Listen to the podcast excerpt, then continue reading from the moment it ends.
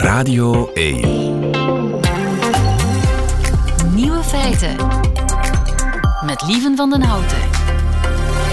Dag en welkom bij de podcast van Nieuwe Feiten, geïnspireerd op de uitzending van 11 mei 2023. In het nieuws vandaag dat een douche voor het slapen gaan u aantrekkelijker maakt voor de muggen blijkt uit nieuw Amerikaans onderzoek. Muggen gebruiken allerlei trucjes om mensen te vinden. De CO2 die u uitademt bijvoorbeeld, maar ook de geur van uw zweet.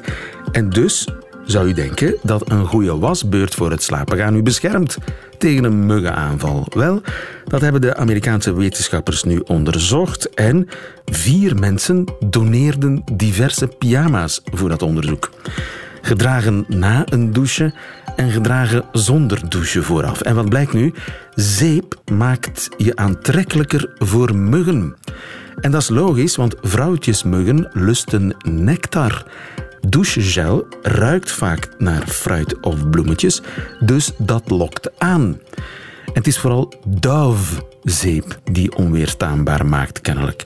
Kokos vinden muggen dan weer vies. U weet wat u te doen staat. De andere nieuwe feiten vandaag. Polen herdoopt Kaliningrad weer tot Koningsbergen. De Russen zijn woest. Waarom bubbels zich anders gedragen in water dan in champagne is eindelijk onderzocht. Meer en meer jongeren krijgen een beroerte.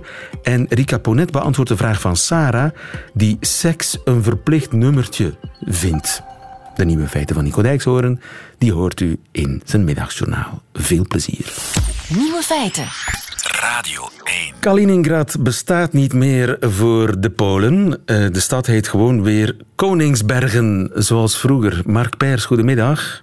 Goedemiddag. Onze man in Polen. Ja, ik zeg Koningsbergen, maar de Polen zeggen iets anders. Hè? Wat, uh, Krolewitz?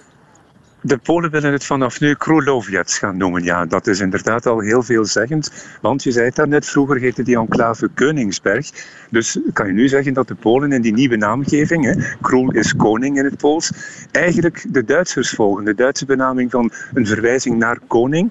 Alles beter duidelijk dan wat de Russen ervan gemaakt hadden met hun Kaliningrad. Ja, de Russen spreken van een vijandige daad die grenst aan de waanzin. Jeetje. Ja, dat, dat is zo. Ze zijn daar woedend over. Nu, dat, eh, die enclave, om heel duidelijk te zijn, dat is amper 223 vierkante kilometer, amper 400.000 inwoners. Maar om twee redenen voor Rusland heel belangrijk. Ten eerste is Kaliningrad een van de heel schaarse ijsvrije havens voor Rusland.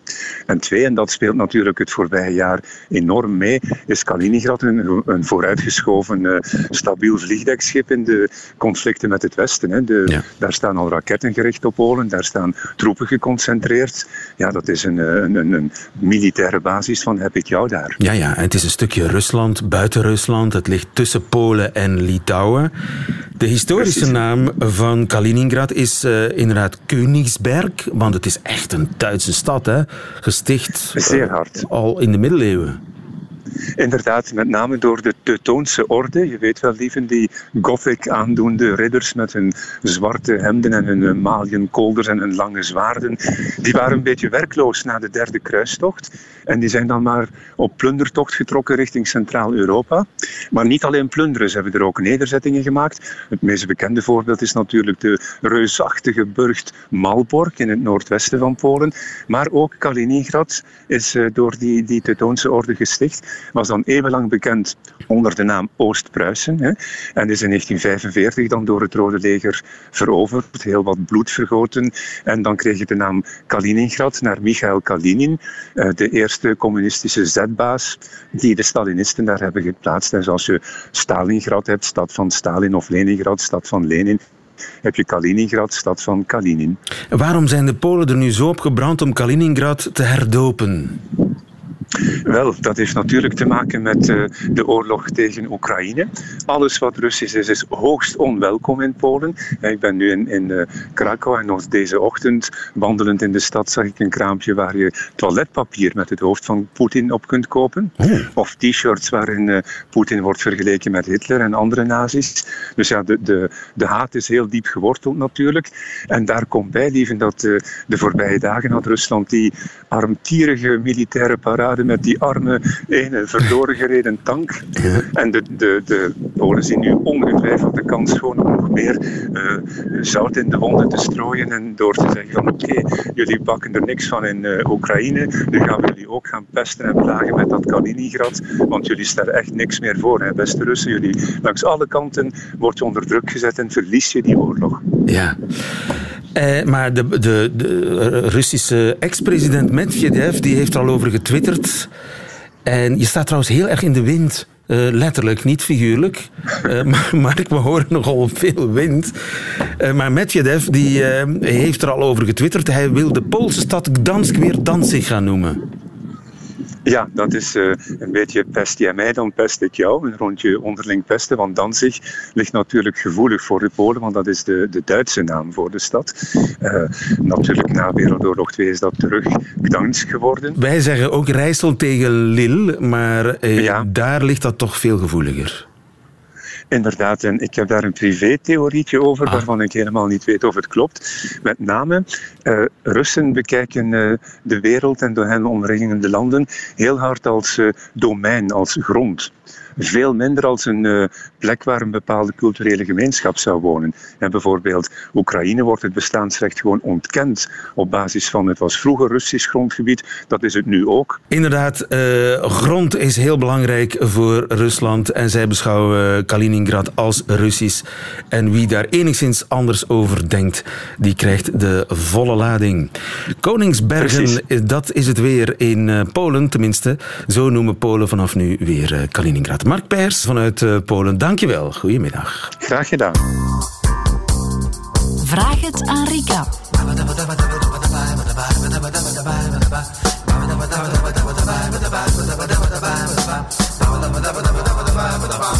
En zoals uh, elke donderdag is uh, te gast in Nieuwe Feiten relatiedeskundige Rika Ponet. Goedemiddag, Rika. Goedemiddag. Zal ik eens een brief met een probleem voorlezen? Heb je daar zin in? Ja, helemaal. Een brief van Sarah. Sarah schrijft: We zijn iets langer dan vier jaar samen en op zich kan ik niet zeggen dat de seks slecht is, maar ik mis iets. Mm Ik heb soms het gevoel dat het echt samen beleven van het vrije vermindert en dat het meer om seks gaat dan om vrijen. En met seks bedoel ik daarom niet dat het er plat aan toe gaat, maar eerder dat het een beleving is van elk afzonderlijk in plaats van van ons beiden. Ja. Het is alsof de focus meer en meer gaat naar het klaarkomen en minder naar het samen intimiteit beleven. En dan zien we wel wat er komt. Ik ervaar ook een zekere druk. Het is al een paar keer gebeurd dat mijn partner zin heeft en ik niet, waardoor hij ontevreden, gefrustreerd achterblijft, mij verwijtend dat ik hem niet geef wat hij normaal vindt in een relatie. Hij zegt een hogere frequentie spontaneïteit initiatief van mijn kant te missen. En door uitspraken als ik verwacht dit in mijn relatie, want seks is heel belangrijk, ervaar ik druk, begin ik al vooraf te denken, ai, het is weer al vijf dagen geleden, dus als hij mij aanraakt, wil hij eigenlijk seks, waardoor mijn lijf reageert door op slot te gaan. Het is een beetje een neerwaartse spiraal naar hij die meer wil en ik die me afsluit of me soms voor de goede vrede ter beschikking stel en verlang naar hoe fijn en verbindend het vroeger was. Hebben jullie tips? Ja. heb jij tips? Ik heb geen tips. um, ik denk dat het misschien in eerste instantie helpt om een beetje uit te leggen, dit is iets wat ik vaak hoor, hè, om een beetje uit te leggen wat daar dan gebeurt. Um, dus aan haar kant is het zo, ja, ze ervaart die seks als niet meer verbindend. Het is er ooit geweest, dat is het bemoedigende. Hè, laat ik daarmee beginnen. Maar vandaag ervaart ze de seks als niet verbindend.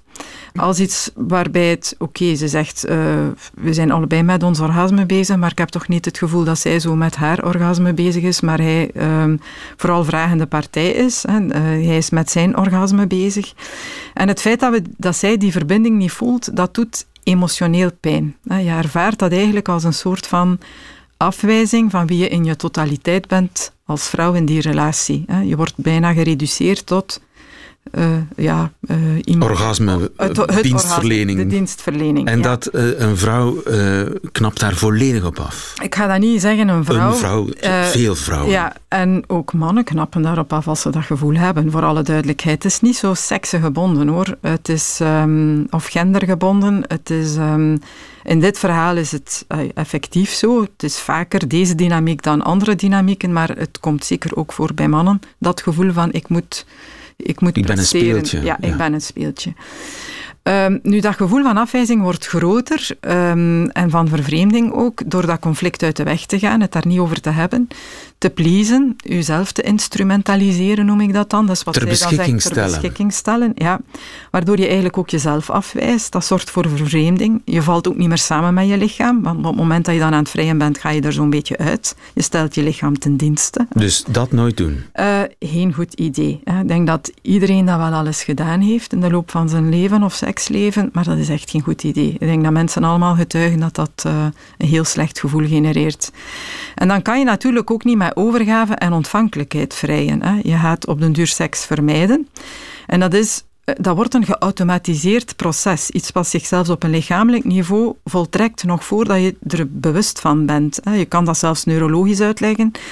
Je lichaam, je hoofd gaat dan in een soort van vluchtreflex. Dat is een parasympathische lichaamstoestand, noemen we dat.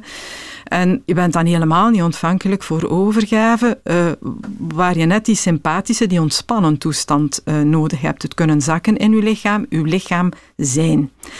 Nu, hij van zijn kant voelt zich daardoor ook afgewezen. Want wat voel je? Een vrouw die op slot is. Hè? Hij voelt die spanning bij haar. Uh, de seks is niet meer zoals voorheen. En hoe probeert hij alsnog uh, ja, ervoor te zorgen dat dat toch uh, nog goed komt? Dat is door aan te vallen. Hè? Zij trekt zich terug, zij gaat vermijden. Hij probeert aan te vallen. Hè. Um, je doet het niet goed, je doet het niet vaak genoeg, je voldoet niet als seksuele partner, je bent niet spontaan. Waardoor zij um, natuurlijk nog meer nog zich meer terugtrekt. Zich terugtrekt ja. Uh, terwijl de onderliggende boodschap eigenlijk is, uh, zie mij graag. Hè. Ik wil eigenlijk verbinding ervaren aan beide kanten. Um, nu, wat zie je, en dat is hier typisch in, dit, in deze interactie, dat zijn behoefte aan meer seks, dat gaat eigenlijk over een behoefte ook aan meer verbinding. En hij probeert verbinding tot stand te brengen via seksualiteit. Uh, ik voel me niet verbonden met mijn partner, maar door te vrijen heb ik het gevoel dat er verbondenheid ontstaat. Ja. En dan voel ik mij goed in mijn relatie. Ja, aan haar kant is het precies andersom. En aan haar kant is het andersom. Ja, um, aan haar kant is het zo dat zij... Eerst verbondenheid en dan pas en, seks. En dan pas seks. Seks is eigenlijk een bekroning van die verbondenheid. Mm -hmm. En dan komen we bij een punt... Wanneer start eigenlijk een goede vrijpartij? Niet op het moment, stel dat die mensen s'avonds vrijen. Hè. Dat start niet op het moment dat je s'avonds in je bed kruipt. Dat start eigenlijk s'morgens. Zo moet je dat zien. Dat krijgt voeding de hele dag door. Hè. Um, en dat is hetgene wat zij, denk ik, ervaart. Op heel veel andere momenten tijdens die dag voel ik mij niet verbonden met mijn partner. En als hij dan s'avonds seks vraagt, dan heb ik het gevoel dat ik alleen maar daarvoor dien. Hè. Ik voel mij niet gezien, ik voel mij niet herkend, ik voel de verbinding niet meer tussen ons, um, waardoor ze hem uiteraard ook afwijst op dat seksuele, waar dat ze het gevoel van heeft, het gaat alleen over zijn orgasme en weet je, uh, ik, heb daar, uh, ik heb daar geen zin in. Dus Wat eigenlijk zeg helpt? je nu, uh, vermijd seks. Of, nee. of, laat dat een paar treden op de prioriteitenladder zakken? Uh, Nee, uh, ja, ja, uh, maar misschien... Een, ja, ik zou dat zo, zo, nog niet direct aanbrengen van stop met seks te hebben, met te proberen. Ik denk wat vooral belangrijk is, is de boodschap. Besef inderdaad dat dat 's ochtends begint. Zowel voor haar als voor hem.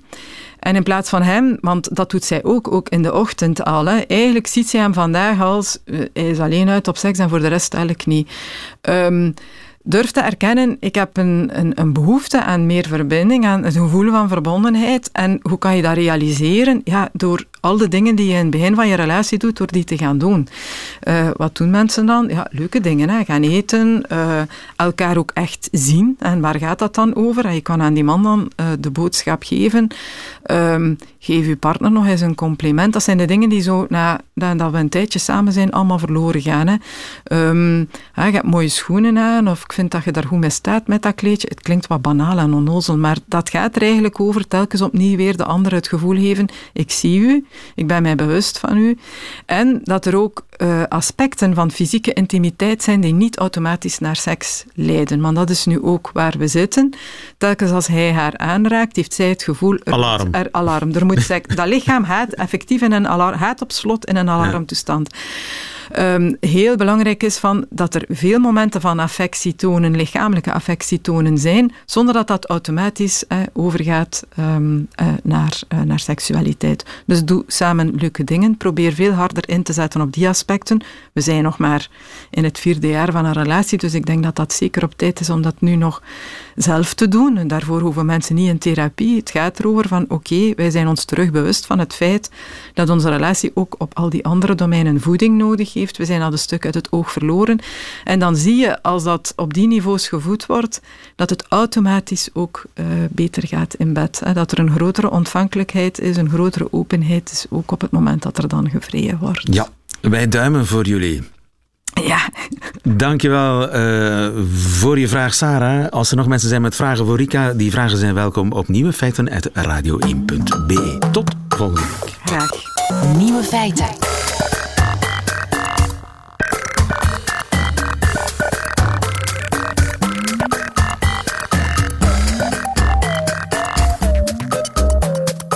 Nieuw feit voor mij in elk geval. Meer en meer jonge mensen krijgen een beroerte. Frank-Erik de Leeuw, goedemiddag. Goedemiddag. U bent neuroloog, neuroloog inderdaad vanuit Nederland, eh, Radboud Universiteit om precies te zijn. Het was Stroke Awareness Day. Uh, gisteren of eergisteren, ik wil er vanaf zijn. Eergisteren, ja. Eergisteren. Uh, beroerte bewustwordingsdag, zeg maar. En uit jullie onderzoek blijkt dat het aantal jongeren dat beroertes krijgt fors is gestegen. Hoe fors is fors? Ja, best fors. En om dat wat handen en voeten te geven, hebben we uh, inderdaad gezien dat in Nederland uh, de afgelopen jaren dat in, in tien jaar tijd met 50 tot 60 procent is gestegen. Dus dat is uh, fors.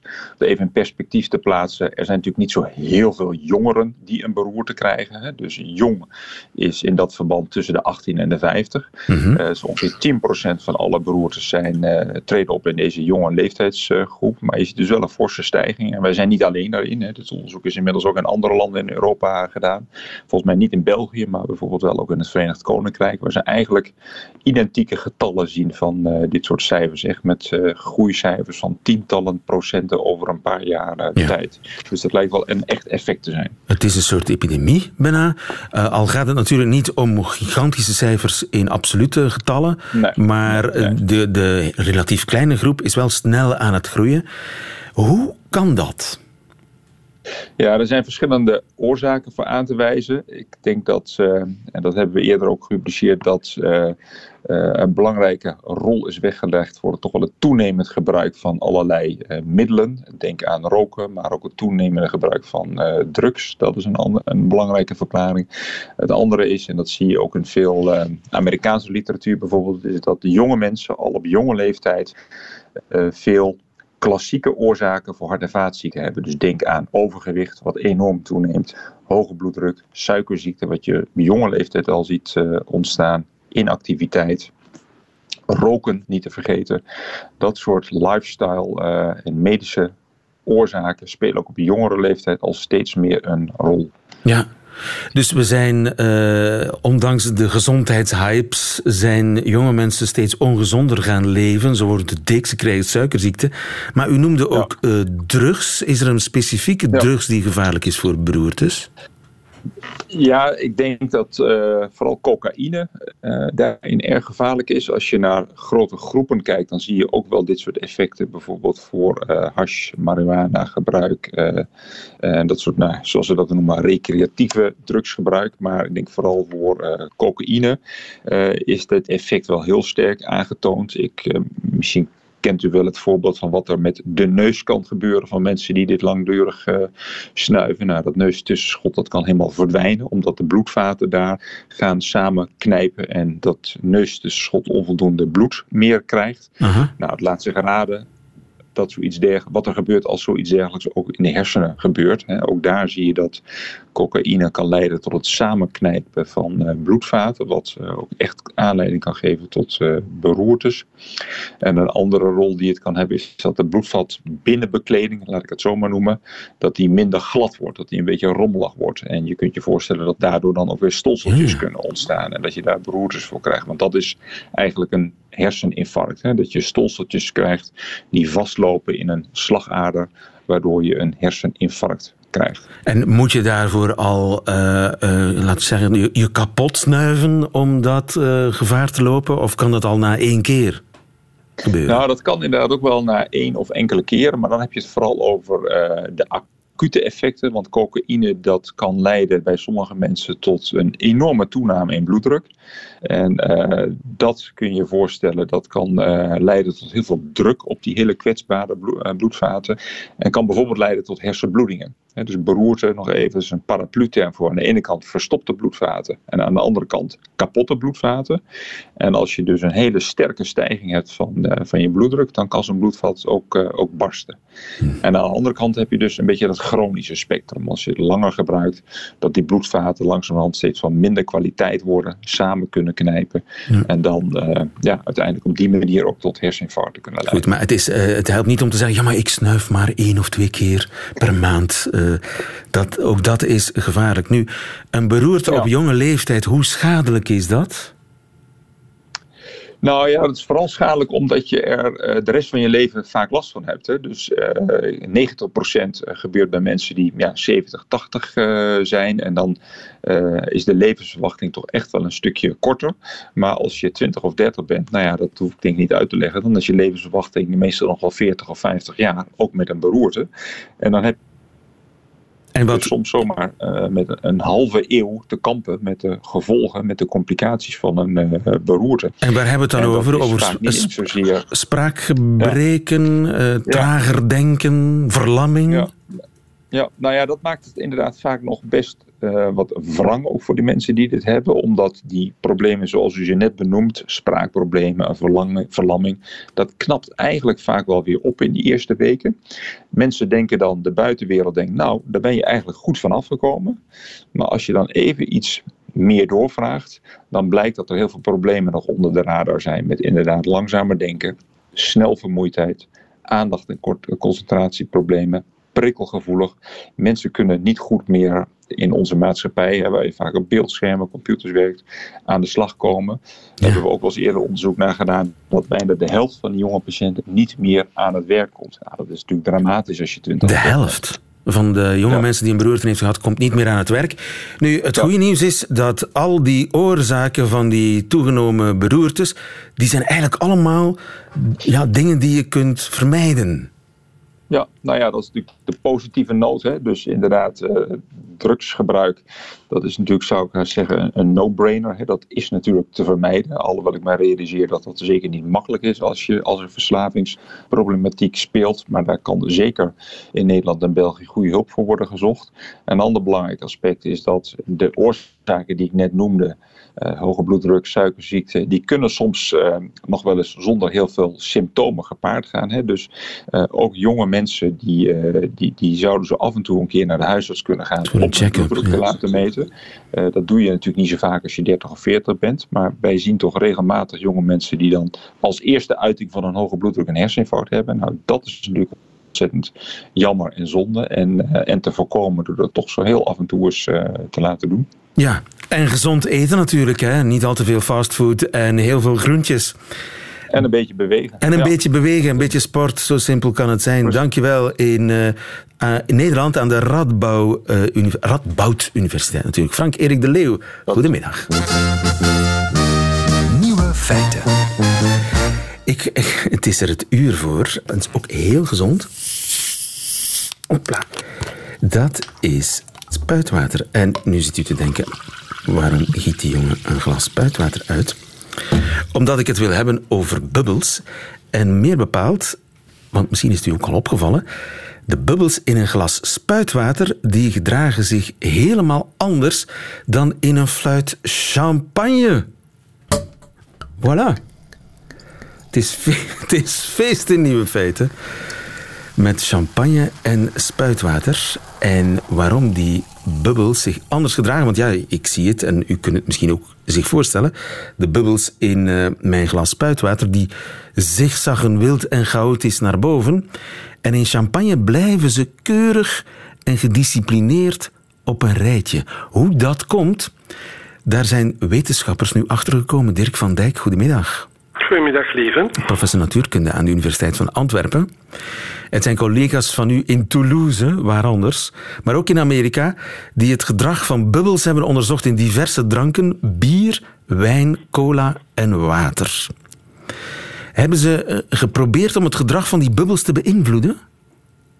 Ja, absoluut. Hè. De, uh, het, is, het is een heel moeilijk probleem uh, dat nog helemaal niet begrepen was. Dus ze proberen het eerst na te doen in een laboratorium. Ze nemen een plastic buisje een plexibuisje en van onder uh, hebben ze een holle naald. En via die naald kunnen ze dus lucht inblazen. Door de diameter van de naald te kiezen kunnen ze de grootte van de bubbels volgen. Ze hebben ook een camerasysteem, heel hoge resolutie, heel snel. En dan kunnen ze dus de evolutie van die bubbels volgen. Aha. Dat is het experiment. Dat is een heel eenvoudig experiment, want eigenlijk kijken naar een glas champagne is ook een experiment. Hè. Je ziet dan ook dat die treintjes daar hè, van, van opeenvolgende bubbels rechtlijnig naar boven gaan. Dat kan je zien spuitwater, geen spuitwater, men zegt ook bruiswater, omdat daar de bubbels werkelijk bruisen. Zij zijn kolkend door elkaar. Hè. Maar dat is niet genoeg. Hè. Je moet, om te begrijpen, moet ook uh, eens kijken naar, naar de welke, welke fysica speelt daar. En uh, uiteraard, ik neem aan dat het probleem vanuit Toulouse ontstaan is. Ook in Rijms is er een groep die zich daarmee bezighoudt. Pas op, dat zijn specialisten in vloeistofmechanica. Dat is geen gemakkelijke gemakkelijk terrein, zoals ook niet hydrodynamica. Dus, uh, en ook zelfs aerodynamica, voorspellen van het weer. Dat zijn heel moeilijke processen. Nu hebben ze daar uh, specialisten van Amerika bijgehaald. Ook een groep in, die gespecialiseerd was in, uh, in vloeistofdynamica.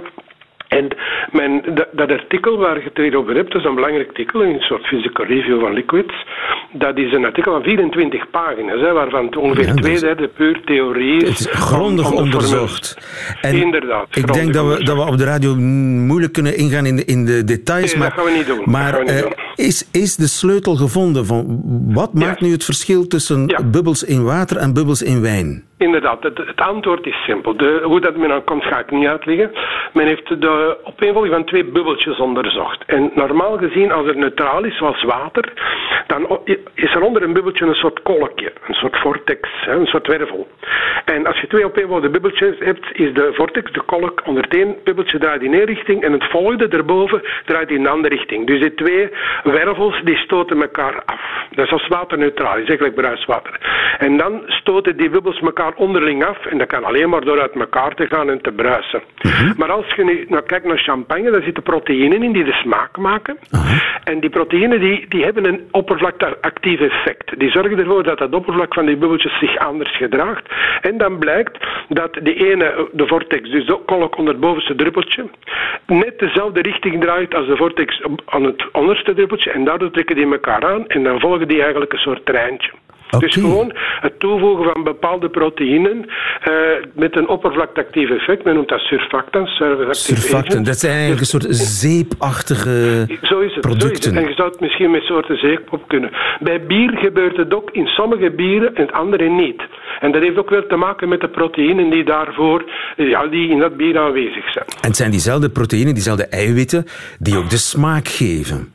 Absoluut, absoluut. absoluut. En dus die geven En- smaak, maar die, die doen ook iets met de oppervlaktespanning, die verlagen die of verhogen die, waardoor... Ja, ja die, inderdaad, die verlagen de oppervlaktespanning en daardoor is, het, is de interactie tussen de vloeistof en de druppel anders. En daardoor blijkt Ja. dat dus de richting van de vortex van de twee druppeltjes dezelfde is, de be- belletjes, en dat ze elkaar aantrekken. Maar als die, als die er niet is en het is neutraal, ja, dan, dan stoten die elkaar af en dan gaan ze uit elkaar. Ja, ja. Vandaar natuurlijk ook dat in sommige soorten bier de bubbels zich de ene keer ja, zus gedragen en, en de andere keer zo. Omdat ja, de ja, inderdaad, bier is soms heel bier zus en viskeus. zo. ja. Het is trouwens geweten dat om bier te maken met een goede schuimkraag, dat de proteïnen, de eiwitten een belangrijke rol spelen. Dus soms wil in Vlaanderen, in België wil men bier met een kraag. In Engeland wil men dat bijvoorbeeld niet. Temperatuur speelt een rol, maar ook de, de eiwitten spelen daar een rol in. Ja. Ja, want die bepalen hoe de bubbel zich gedraagt. Zo En, zo ontstaat al dan niet een, eh, een schuimkraag. Het, lijkt, het, lijkt, het zijn heel banale dingen, maar de wetenschap erachter is eh, zeer hoogstaand. Zeer, zeer hoog staan. Eh, en en hier, normaal komt dan jouw vraag van wat kun je Wat is daarmee het doen? nut? Wat is het nut? Dat is de vraag. nee, inderdaad. Wel, eh, met, met onder andere beluchtingstabellen voor het zuiveren van afval, eh, beluchtingstanks voor het zuiveren van afvalwater. De, daar de eigenschappen van bestuderen. Dat kan leiden tot nieuwe methodes. Ook opborrelen van methaan en CO2 uit de bodem van de oceaan. Dat zijn bubbels. Dus alles wat te maken heeft met luchtbellen of CO2-bellen, koolzuurbellen en vloeistoffen eh, kan daaronder vallen. hè. Ja. Dus Maar eh, goed, en daarom is het belangrijk om te weten eh, waarom bubbels zich gedragen zoals ze zich gedragen. En we weten nu eh, dat het ligt in een glas champagne. Het verschil tussen een glas champagne en een glas water is ja, de, de eiwitten, de smaakgevende eiwitten die een soort zeepachtige effect hebben in, in de vloeistof, waardoor ja, de bubbels zich wat, wat netter en wat, wat, wat vlotter naar de, naar de oppervlakte kunnen stijgen. goed samengevat.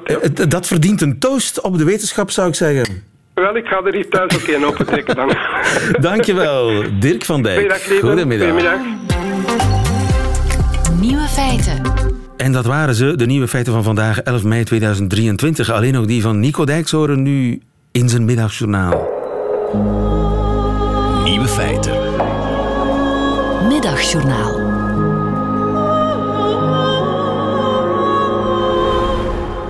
Beste luisteraars, zoals u wel zult hebben begrepen heeft zanger Stromae zijn hele tour afgezegd. Het is wegens gezondheidsredenen en dat is verdrietig genoeg.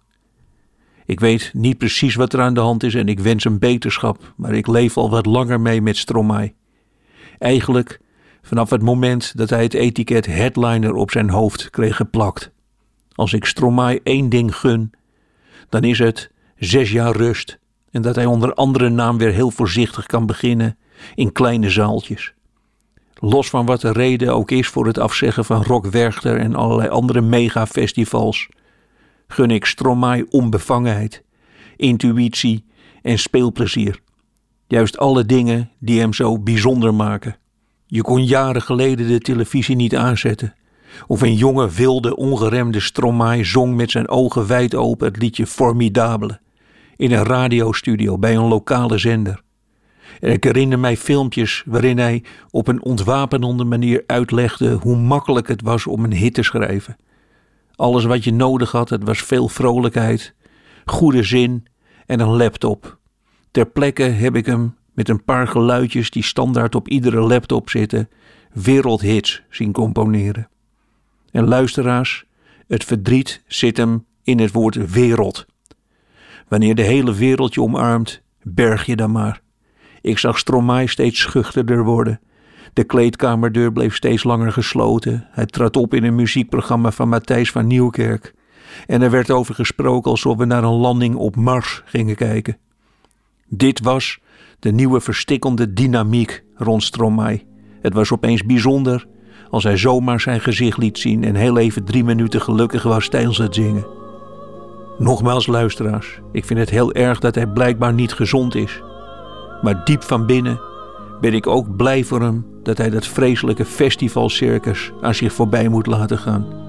Niets is voor een artiest, een bevlogen eenling als Stromae, zo dodelijk als adoratie. Het podium opkomen, 60.000 handen de lucht in zien gaan en weten dat het nooit meer zo wordt als ooit. Op je kamertje, ergens in België. Toen alleen je vrienden nog zeiden: Dit is heel goed, hier moet je iets mee gaan doen.